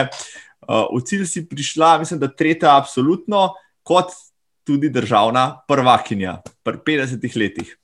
Ja, te radence, to je pa bilo res. Ja. Slučajno se je tako gibalo, da pač jaz lahko eno leto prej gledala, da bom pač eh, v tistem letu, ko sem bila stara 50 let, tekla tudi 50 maraton. Uh, jaz sem imela zrihtano tudi štartno številko za London, da bi šla v Londonu, še nisem tekla, da bi tekla 50 ma maraton v, za, v Londonu. Uh, Potem pa sem malo študirala, pa sem rekla, gledaj, šla bom v London, tekla bom tam, doben ne bo vedel, da sem tekla, pa to meni rezultat nič več ne pomeni. Uh, zakaj ne bi šla tukaj s svojimi maratoni? Sem začela v bistvu v Radencih, uh, zakaj ne bi šla v Radence na domači teren, domači, mislim, navijače bom imela, ljudi bom imela. In uh, potem sem res je padla odločitev in uh, sem šla uh, v Radence. Uh, Uh, vem, da je v Radencih je vedno težko teči maraton, ker tečeš sam. Uh, ponudil se mi je uh, en zvone blatnik, da bo tekel z mano, to je iz vojske, uh, en tekač, rekreativc. In res je tekel z mano in pomagal. Želela sem si, da bi tekla pod tri ure, zato ker do takrat sem imela samo en maraton nad tri ure, vse ostale maratone, ki sem jih pritekla, sem vse pod tri ure. In uh, ko mi pridemo v Radgono, on začne meni nekaj kazati, da ima neke probleme in gre in enostavno zadnjih 12 km sem ostala čisto sama, bilo je vroče. Nikogar ni bilo videti, ne spredi, ne zadnji, sama sem tekla, sama sem se borbala, polivala z vodo, ko sem prišla do neke okrepčevalnice, se zraven nesla. In na koncu bila ful presenečena, ker pa nisem vedela, da so me pa naši tekači v rondoju pričakali z oranžnimi baloni in v bistvu z mano potem pritekli v cilj tega 50. maratona. Tekla sem tri ure pa eno minuto, bila sem res državna prvakinja, najboljša slovenka. Uh, tretja, absolutno.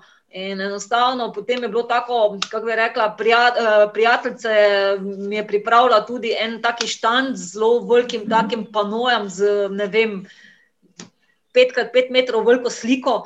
Uh, tam smo potem imeli malo pogostitev, ker sem pa jaz spekla malo za te naše tekače. Pa če je kdo prišel in vem, da so se potem ljudje tam ustavljali, ustavil se je tudi predsednik Pahor, je prišel se sliko z nami, čeprav na zdravje ni upal, sliko pa se je z nami. In je bil to po moje, eden najlepših Abrahamov, kar jaz eh, ne praznujem, drugače nekih uh, takih obletnic, pa da bi neke čage delala ali kaj takega. Ampak mislim, da je bil to en taki posebni Abraham, če sem če jaz nekako, kako bi rekla. Neka posebna je bil tudi ta uh, Abraham, nekaj posebnega, neponovljivega, ki ga ne more doben kopirati, pa doben takega več narediti. No, prav gotovo. Ne, ne, jaz sem rekel za svoj 50. rojstni dan. Bomo tekel maraton enkrat tam okrog, ampak že zdaj le z gotovostjo trdim, da prav gotovo ne bom postal državni prvak v tistem maratonu, ne, če se, razen če se z avtom peljem okrog, ne, ampak to pa meni danes šteje.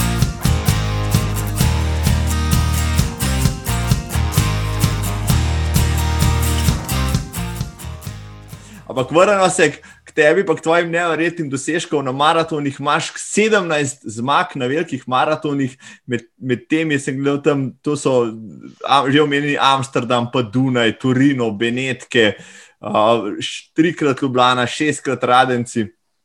Uh, to je najljubši maraton, ali pa najljubša zmaga, mogoče, no, ti imaš že toliko zmag, da že o tem lahko govorijo. Uh, kako bom rekla, zmagovala sem tako na cestnih tekih, kot eh, maraton je tudi cestnih tek, pa krajši tek, pa na stezi. Recimo 1500 eh, metrov na svetovnih vojaških igrah, ko sem takrat zmagala, pa to. Ampak neka zmaga v maratonu dejansko ni primerljiva zmago na 1500 metrov, ki jo tečeš. Enostavno, če si neki tekač, veš, da maratona. Uh, maratonci to dobro vejo, da maraton ti končaš, ko prideš čez uh, ciljno črto.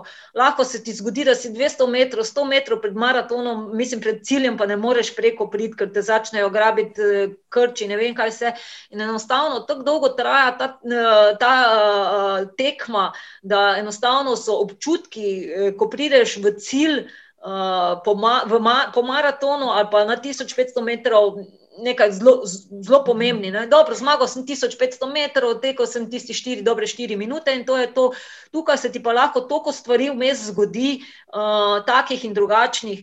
In zdaj izpostaviti neki maraton, recimo uh, na Dunaju, ko sem zmagala leta 95, to je bil en tudi, kako bi rekla, presenečenje. Zakaj je bil presenečenje? Ko sem jaz prišla tja, uh, jaz sploh nisem bila med favoritkami, ne? imela sem sicer številko 4 ker štiri je bila moja dobra številka. Uh, imela sem številko štiri, ampak bilo je vroče, bilo je 25 stopinj, uh, takrat, mislim, malo kasneje je bil štart. 25 stopinj in vse tiste favoritke so se bale za štartati. Jaz sem šla svojo tekmo, jaz se sploh nisem ozirala, tako kot mnogo krat nisem se ozirala na dobene druge. Ne. Boro te kar gledal, šla sem hrabro in enostavno potem, ko vidiš, da. Uh, te ostale, mislim, da imaš toliko prednosti, da uh, uh, ostale se sicer lovijo, en, enostavno dobiš tista krila in greš. Ne. Spomnim se tistega maratona, prišla sem cilj od tiste vročine, popolnoma dehidrirana, imela sem take žule, sem dobila, da mi je kri iz copat ven tekla, da potem po maratonu sem šla v zdravniku, da so mi eh, olupli obe stopali doli, da so se mi potem še par let, eh, kako bi rekla, tista koža bila tako mehka, take žule sem dobila, ampak takrat v tistem efektu, ko ti veš, eh, da si da lahko zmagaš, da boš zmagal neki Dunajski maraton, to, kar greš, to ne čutiš, dobene krvi ne vidiš, ničesar, dokler se ne ustaviš. Ne? In uh, to je bil eden zelo, čist na začetku, zelo lepi maraton, uh, presenetljivo. Na Dunaju sem dosti krat tudi za en klub nastopala njihov in bila to ena taka zelo, zelo, kako bi rekla, do, lepa zmaga, ki mi je ostala v spominu. Uh, Potem je še bil tudi na začetku en maraton eh, na mediteranskih igrah, ko sem zmagala v Narbonu leta 1993. Dobed ni pričakoval, da bom jaz tam zmagala in uh, enostavno zmagala sem maraton in potem eh, te, maraton se je tekel do povdan, zjutraj je bil štart, razglasitev je bila popovdan, takrat je nastopil tudi, mislim, da je bil finale na uh, Morseli je tekel. In eh, takrat je bil poln stadion, 30 tisoč ljudi je bilo na stadionu, meni so pa himno igrali. Ne. To so stvari, ki, uh, ki so nepozabne. Potem je še bil en maraton v Benetkah, ki ga sicer absolutno nisem zmagala. Bila sem tretja, absolutno, ampak sem zmagala med uh, vojakinjami in sem bila prva uh, svetovna vojaška prvakinja. In takrat je bila razglasitev za vojsko in so na Markovem trgu igrali slovensko himno. In uh, turisti, ki so hodili, dosti slovencev je bilo, jih gledali, so, kaj te zdaj to uh, tukaj neko slovensko himno igrajo. Ne? Mislim, to so bili taki nepozabni trenutki, ki jih pa nikoli, čeprav so tudi bile kakšne stvari, ki niso bile tako lepe, ampak to prevlada potem in to ti vedno ostane. Ne? Še zdaj, ko to gledam, se mi kar na ježi koža. Ne? Materijala, ne samo za eno knjigo, ampak ne več za njih pet, pa za ne dva celovečerna filma, ne pa šest dokumentarcev, res, res nore zgodbe. No, se bova, uh, zdaj imamo že, mislim, da uro, pa, pa četrt že govoriva, tako je šlo, uh, pa da te ne bom predolgo zadržal. Imam še nekaj vprašanj, sigurno bova tole še ponovila, no, ker se pravim, že potem, ko mi razlagaš vse te nore zgodbe, uh, pa ker sem bil na teh eh, marsikajšni lokaciji, kjer ker uh, si ti tudi tekla. Zdaj sem se spomnil, mes, ki si govorila, da sem dvakrat uspel celo uh, teči ob tebi ali pa te srečati v Ljubljani, še tista prva leta, ko si ti zmagovala. Se spomnim, smo tekli dva kroga, hitri ste, sli, ste šli že mimo živalskega vrta, v drugi krog, mi bolj počasni rekreativci smo šli šele v prvi krog v cilj, pa smo vas gledali, kako brzite tam mimo po levi. No, pa pa je ena zgodba, to, to zgodbo sem takrat povedal, že ko, ko, ko sta me z Borutom povabila v vajno tekaško skupino, enkrat na priprave. Uh, en večer sem to zgodbo povedal. Leta 1999 sem bil v zelo dobri formi in sem tekel polovičko v, v Radencih, in tam le tista proga, še stara, uh, čez, uh, čez Avstrijo, pa polje zavila nazaj čez Tišino, maratonske, bila še naprej čez Mursko soboto. In jaz preletim tam čez mejo, čez Radgono, nek desetih km pred sabo, vidim uh, tekačico v, v državnem drevesu, sem rekel, noro, dohtel sem Heleno Javornik, zdaj bom pa jaz držal Heleno Javornik, koliko cajt bo šlo. No, do 14. je šlo, potem smo pa mi odvil, Helena je pa odbrzela naprej, pa sem. Kljub temu, ne, da sem 4 km na polovički teku z uh, kasnejšo uh, zmagovalko maratona, se tako dobro počutil, da sem potem na polovički postavil svoj osebni rekord in se mi to dobro zdelo, da, da sem se malo vzel tistega. Tistega tvojega zmagovalnega tempa, kako kar že.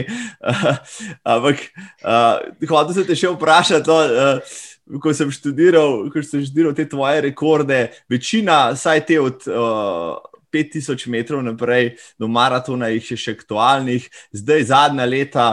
Eh, prihajajo te kačice, ki ti jemljajo na krajših razdaljah pač, pač te, te, te naslove, oziroma uh, državne rekorde, recimo Maruša Mišmaš, mislim, da ravno lani vzela tistega na, na 3000, pa mislim, da Klara Lukan je za ena od tistih, ki je tudi kandidatka, da še kakšnega morda vzame. Uh, na cesti, mislim, da je državna rekorderka 10 km, 33 minut, pa nekaj. Kljub temu, da imaš ti uh, svoj osebni rekord na 10 km na cesti, pa še boljši, ne, ampak iz New Yorka, če se ne motim. Ampak ti, to se spomnim, to so z Borutom govorila, takrat, ko smo na Bledu imeli tisti projekt za prvi državni rekord na desetki na, na, na cesti, je Borut rekel, ampak po 32, pa pol, pa nobena ne bo tekla. To je, pa, to je pa Helena že naredila v New Yorku, ampak takrat pač to ni bilo priznano strani Atletske zveze, ker ne vem, kjer ga pogoja ni bilo izpolnjenega. Uh, tudi tam bi imela lahko rekord, no, če, bi, če, če smo že ravno pri tem. Uh, rekordi so taki, ja, da recimo na pet km se mi zdi, da je najslabši rekord, da ta bi lahko zelo malo padel. Kilometre v dvorani je zdaj bila Maruša čisto blizu, ne sekundo pa pol je mogoče zaostala. Jaz vidim zdaj Maruša tisto, ki bo te rekorde tri uh, uh, uh, popravila, mogoče že letos. Ne verjetno že letos. Potem na 10 km je pa rekord dober, 31, nič 6, to pomeni 3, nič 1 po kilometru poprečno. Ne? To pa že ni več tako lahek rekord, ki ga bi lahko kar tako. Tukaj pa res, res moraš biti pripravljen in se je treba loti tudi malo daljših stvari. Uh, mislim, da bodo ti rekordi uh, deset na stepu pol maratona, da bo ta kar, po, moje, po mojem, da sta to najmočnejša rekorda, da bo ta še kar verjetno nekaj časa, čeprav se ne ve, lahko ga hitro popravi. Maraton je tak, tak, ni nekaj posebnega, ne 227. 33 za naše razmere, takrat je bil to dober rezultat, to je zdaj 16-17 let od tega. Uh, takrat je bil dober rezultat, danes pa vemo, koliko tečejo. Ne? Da to 227 danes ni ne merilo, nič kaj posebnega.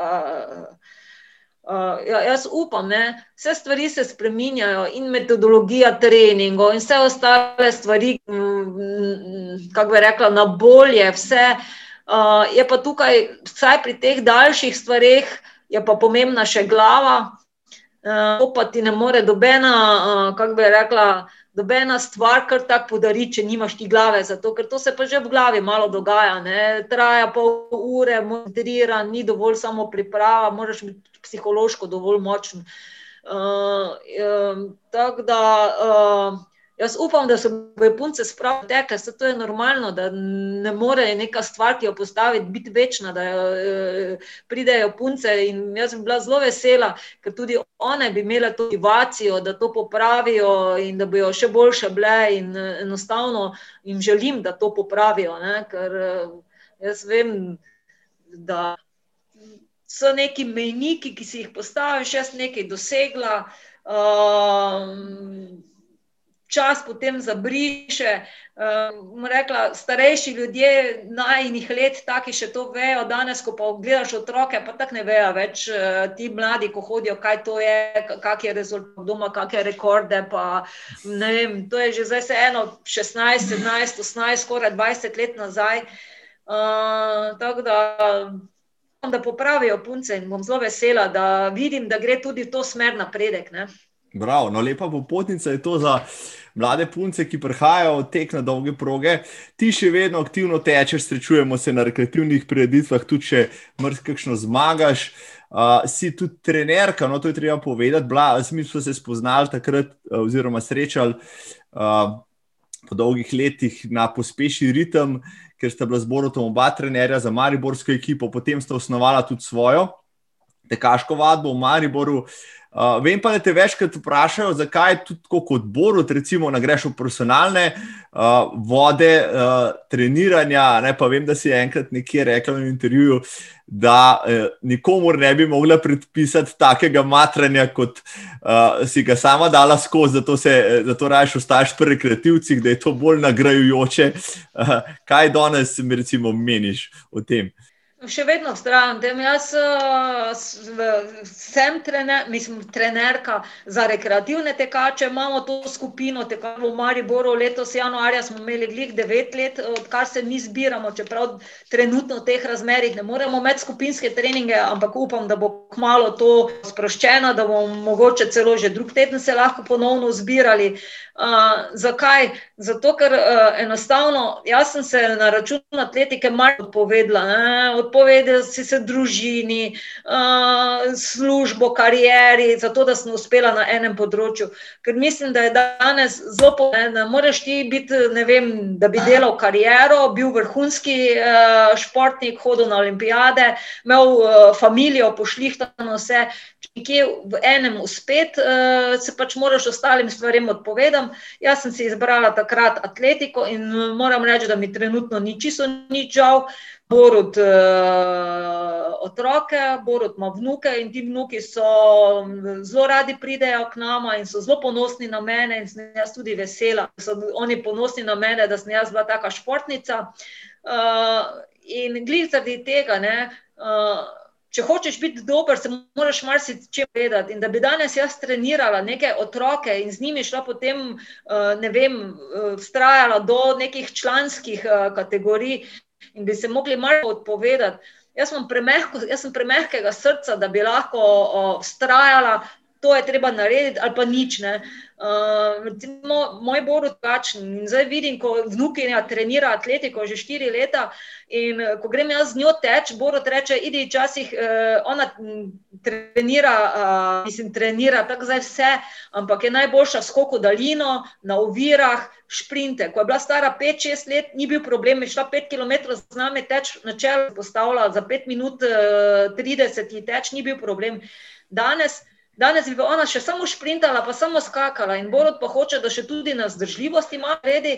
In ko je reče, zdaj pa moraš iti pol ure teč, je problem. Ne? In reče, Helena, idi ti z njo teč. In ona gre teč z mano, dva km, prvi kilometr, jaz z njo ne, mo kilometr, jaz z njo ne morem iti uh, teč, potem pa ona. Uh, bolj ko gre proti koncu, ni in se že začne jokati, ker točno ve, ko se bo začela jokati, bo rekla Helena, ok, ustavi se. Ne? Jaz ne bi mogla biti zelo uspešna uh, trenerka, ker bi prehitro popustila, ker tu je treba se eno ustrajati. Uh, otroci vidijo, da sem jaz mehka in to izkoriščajo. Če pa ima nekdo neko avtoriteto, pa potem to spoštujejo. Zato jaz ne bi bila dobra trenerka. Medtem ko med temi rekreativci, ti pa radi poslušajo, pridejo po službi, ti tečejo zato, da jim je lepo. Zdaj pa točno vidiš, nekdo se vedno giblje v tisti coni obdobja, pa ga tam pustiš, ko reče, zakaj ne napreduješ, mu poveš, um, pride, odteče nekaj in je zelo zadovoljen. Potem, uh, ti, ki niso včasih tekli, pa so pri 50-ih začeli teči, pa celo pri 55-ih, pa že danes odtečejo maraton, so pa zato, da odtečejo zelo hvaležni. Ne? In mi to dosti več pomeni, kot pa da bi mogla jaz uh, zdaj uh, biti neki valpet in uh, uh, otroke siliti, naj delajo to, ker vemo, da danes. Uh, dosti otrok trenira zato, ker si starši želijo, ne zato, ker si bi oni želeli eh, trenirati atletiko. To, to je dejansko res uh, uh, odlična misel, odlična istočnica, ampak bo to prehranila za drugi čas, za konec. Bi te rad poprašal še, uh, še eno stvar, umela si te kaško skupino, jasno. Vidim tudi video z Borutom, zdaj, ko sta rekreativna tekača, v narekovajih, ne, rada uh, hodita po svetu, obiskati destinacije, ki jih prej si nista mogla ogledati v času tvoje profesionalne kariere. Mi smo bili skupaj takrat s tvojimi tekači, z vama v Atenah 2018, klasični maraton, ki bi ga res vsak maraton smogel teči. Uh, res, uh, rekel, neverjetno, če drugega neko protečeš na cilje, je, je, je uh, občutek vse tiste rekel, zgodovine, ki je tam uh, 2500-letne, uh, tisti, ki ti, ki ti res da potem tisto zadovoljstvo, pa maratonski štempel, če hočeš. No, sigurno sta. Uh, rekel, v zadnjih letih videla kar nekaj sveta, tako da rekreativno. In če me vprašaš, meni je to najboljši način uh, rekel, združevanja prijetnega s koristnim. Kaj pa, kaj pa za vaju to pomeni, recimo, da potujete po, po maratonih, potekih, pa, pa združujete tako šport kot turizem, pa še vse ostalo? Tudi mi dva gremo navadno z neko destinacijo. Recimo, meni je dve leti nazaj, sem tekla na Ferskih otokih, zato, ker sem enkrat gledala nogomet in sem videla našo nogometno reprezentanco na Ferskih otokih in so tam pokazali malo o, slike. In meni je bilo to tako fascinantno, recimo tudi kot Islandija, mi je zelo, zelo všeč. Dosti krat smo jaz sem že bila trikrat na Islandiji, pa še bi takoj šla. Mislim, da je danes prav eno leto, kaj smo na zadnje bila tam. Uh, in uh, potem smo se mi dva borot malo išče in je najdel tudi, uh, da je na ferskih uh, otokih maraton in dve leti nazaj sem jaz tekla ta maraton, krasen maraton, zelo težek maraton, zato ker uh, tam ni ravnega nič, ne. mislim, da je bilo 900 metrov višinskih metrov gor dol, se je skupaj seštelo, ampak vseeno sem zmagala z tri nič devet sem tekla tam. Tako da še vedno rada gremo na tudi take destinacije, si poiščemo, kjer se malo teče. Ne? Uh, čeprav zdaj ima Borod neko idejo in si zelo želi, da bi pač šla na Špicberge, ker je pa tam tudi maraton, tam pa v bistvu tečeš z medvedi. Ampak bomo videli, kdaj se bo situacija umirila in zgleda, da je želja tako močna, da bomo verjetno rešila na uh, Špicberge. Bravo. Se pravi, prvi plan, po, kot se je ta korona končala, so Špicbergi, ja, je tako. Uh, Kdaj pa so, kdaj pa so, kjer mesec v letu pa je to? Ja. Ja, to je lahko samo, mislim, da je junija ali julija, to je lahko poleti, ker to, je, to se iz, mislim, da iz Osla še štiri ure pelješ z avionom čisto gori notri, ne vem, še od, ne vem, od Islandije, ne vem, koliko naprej notri. Ne. In uh, tam v bistvu teče se maraton, ampak ko se teče maraton, moraš imeti spremljevalce na kolesih, uh, v bistvu lovce, ker uh, morajo medvede odganjati, ker tam srečaš kar medveda med potjo, ko tečeš. Ne. Tako da zgleda, da bomo res nekaj takega špičla. no, pa, pol pa naslednja destinacija je Afrika, tisti Big Five maraton, ker srečaš pa leve, pa, pa, pa tigre, pa slone, pa tako naprej. Pa, vem, Antarktika je tudi zanimiva, za vaju, ki sta tako eksotična popotnika. Uh, sicer se mi zdi, da vsi zdaj le čakamo, da ga bo čas konec, uh, da si bomo začeli spet delati uh, rekel, za znamke, kam bomo potovali, ne glede na to, kaj bo treba za to narediti. Um, ti si tudi lasnica uh, masažnega salona, zadnja leta v Mariboru, zdaj zadnje čase je zaradi korone pač zadeva zaprta in imaš pol več časa za tek, najbrž zdaj. E, res je, ja. Mm, čeprav so sedaj sprostili, ne, tri mesece, več kot tri mesece, 24. oktober sem imela popolnoma zaprt salon, zdaj ta teden lahko počnem, jaz imam negativen test, ampak ker je pogoj, da mora tudi stranka imeti eh, negativni test, ki biti, eh, ne sme biti starejši kot 24 ur, je zelo malo, eh, bom rekla, strank se odloča, da bi samo zato šlo še narediti ta hitri test na COVID. Tako da zdaj v tem obdobju sem pač malo več tekla, ker sem imela malo več časa, tako da januarja sem pretekla enih 350 km, ampak to jaz grem teč zato, da uživam, ne obremenjujem se več z uro, ne obremenjujem se več s časi. Uh, ko sem vem, dobro razpoložena, tečem malo hitreje, ko mi ne gre, gre malo počasneje.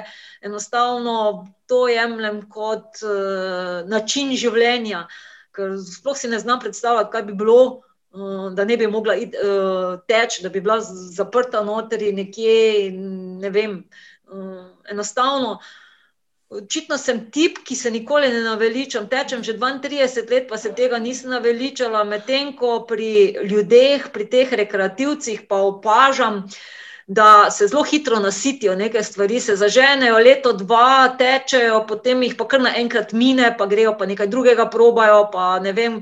Uh, vidim, ne vem, mogoče nas uh, vse uh, način življenja uh, sili v to. Ne, vem, ne razumem, zakaj, ampak uh, jaz. Uh, 30 let tečem, pa se še nisem naveličala, nekdo pa pride, pa se bo po parih mesecih naveličal, ker je tek monoton, ker se nič ne dogaja.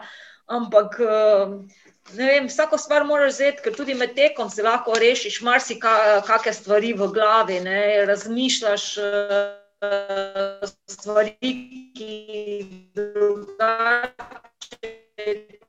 bi imel doma televizijo prižgano, spoh ne bi o teh stvarih razmišljal, ko pa greš na ravo, pa lahko o tem razmišljaš.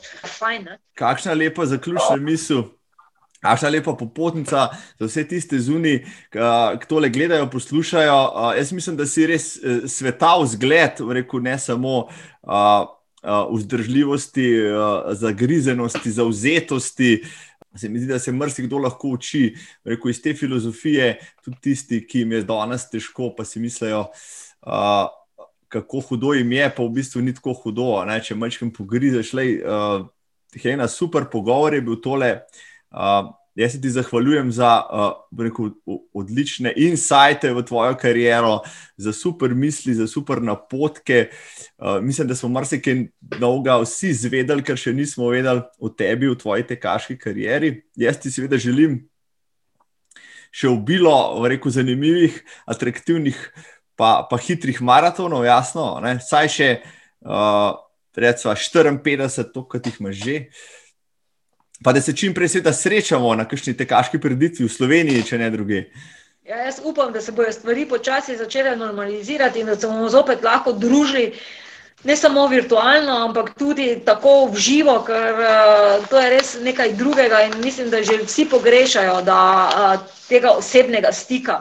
Uh, se pravi, upam, da se stvari pomirijo in uh, komaj čakam, da se vidimo.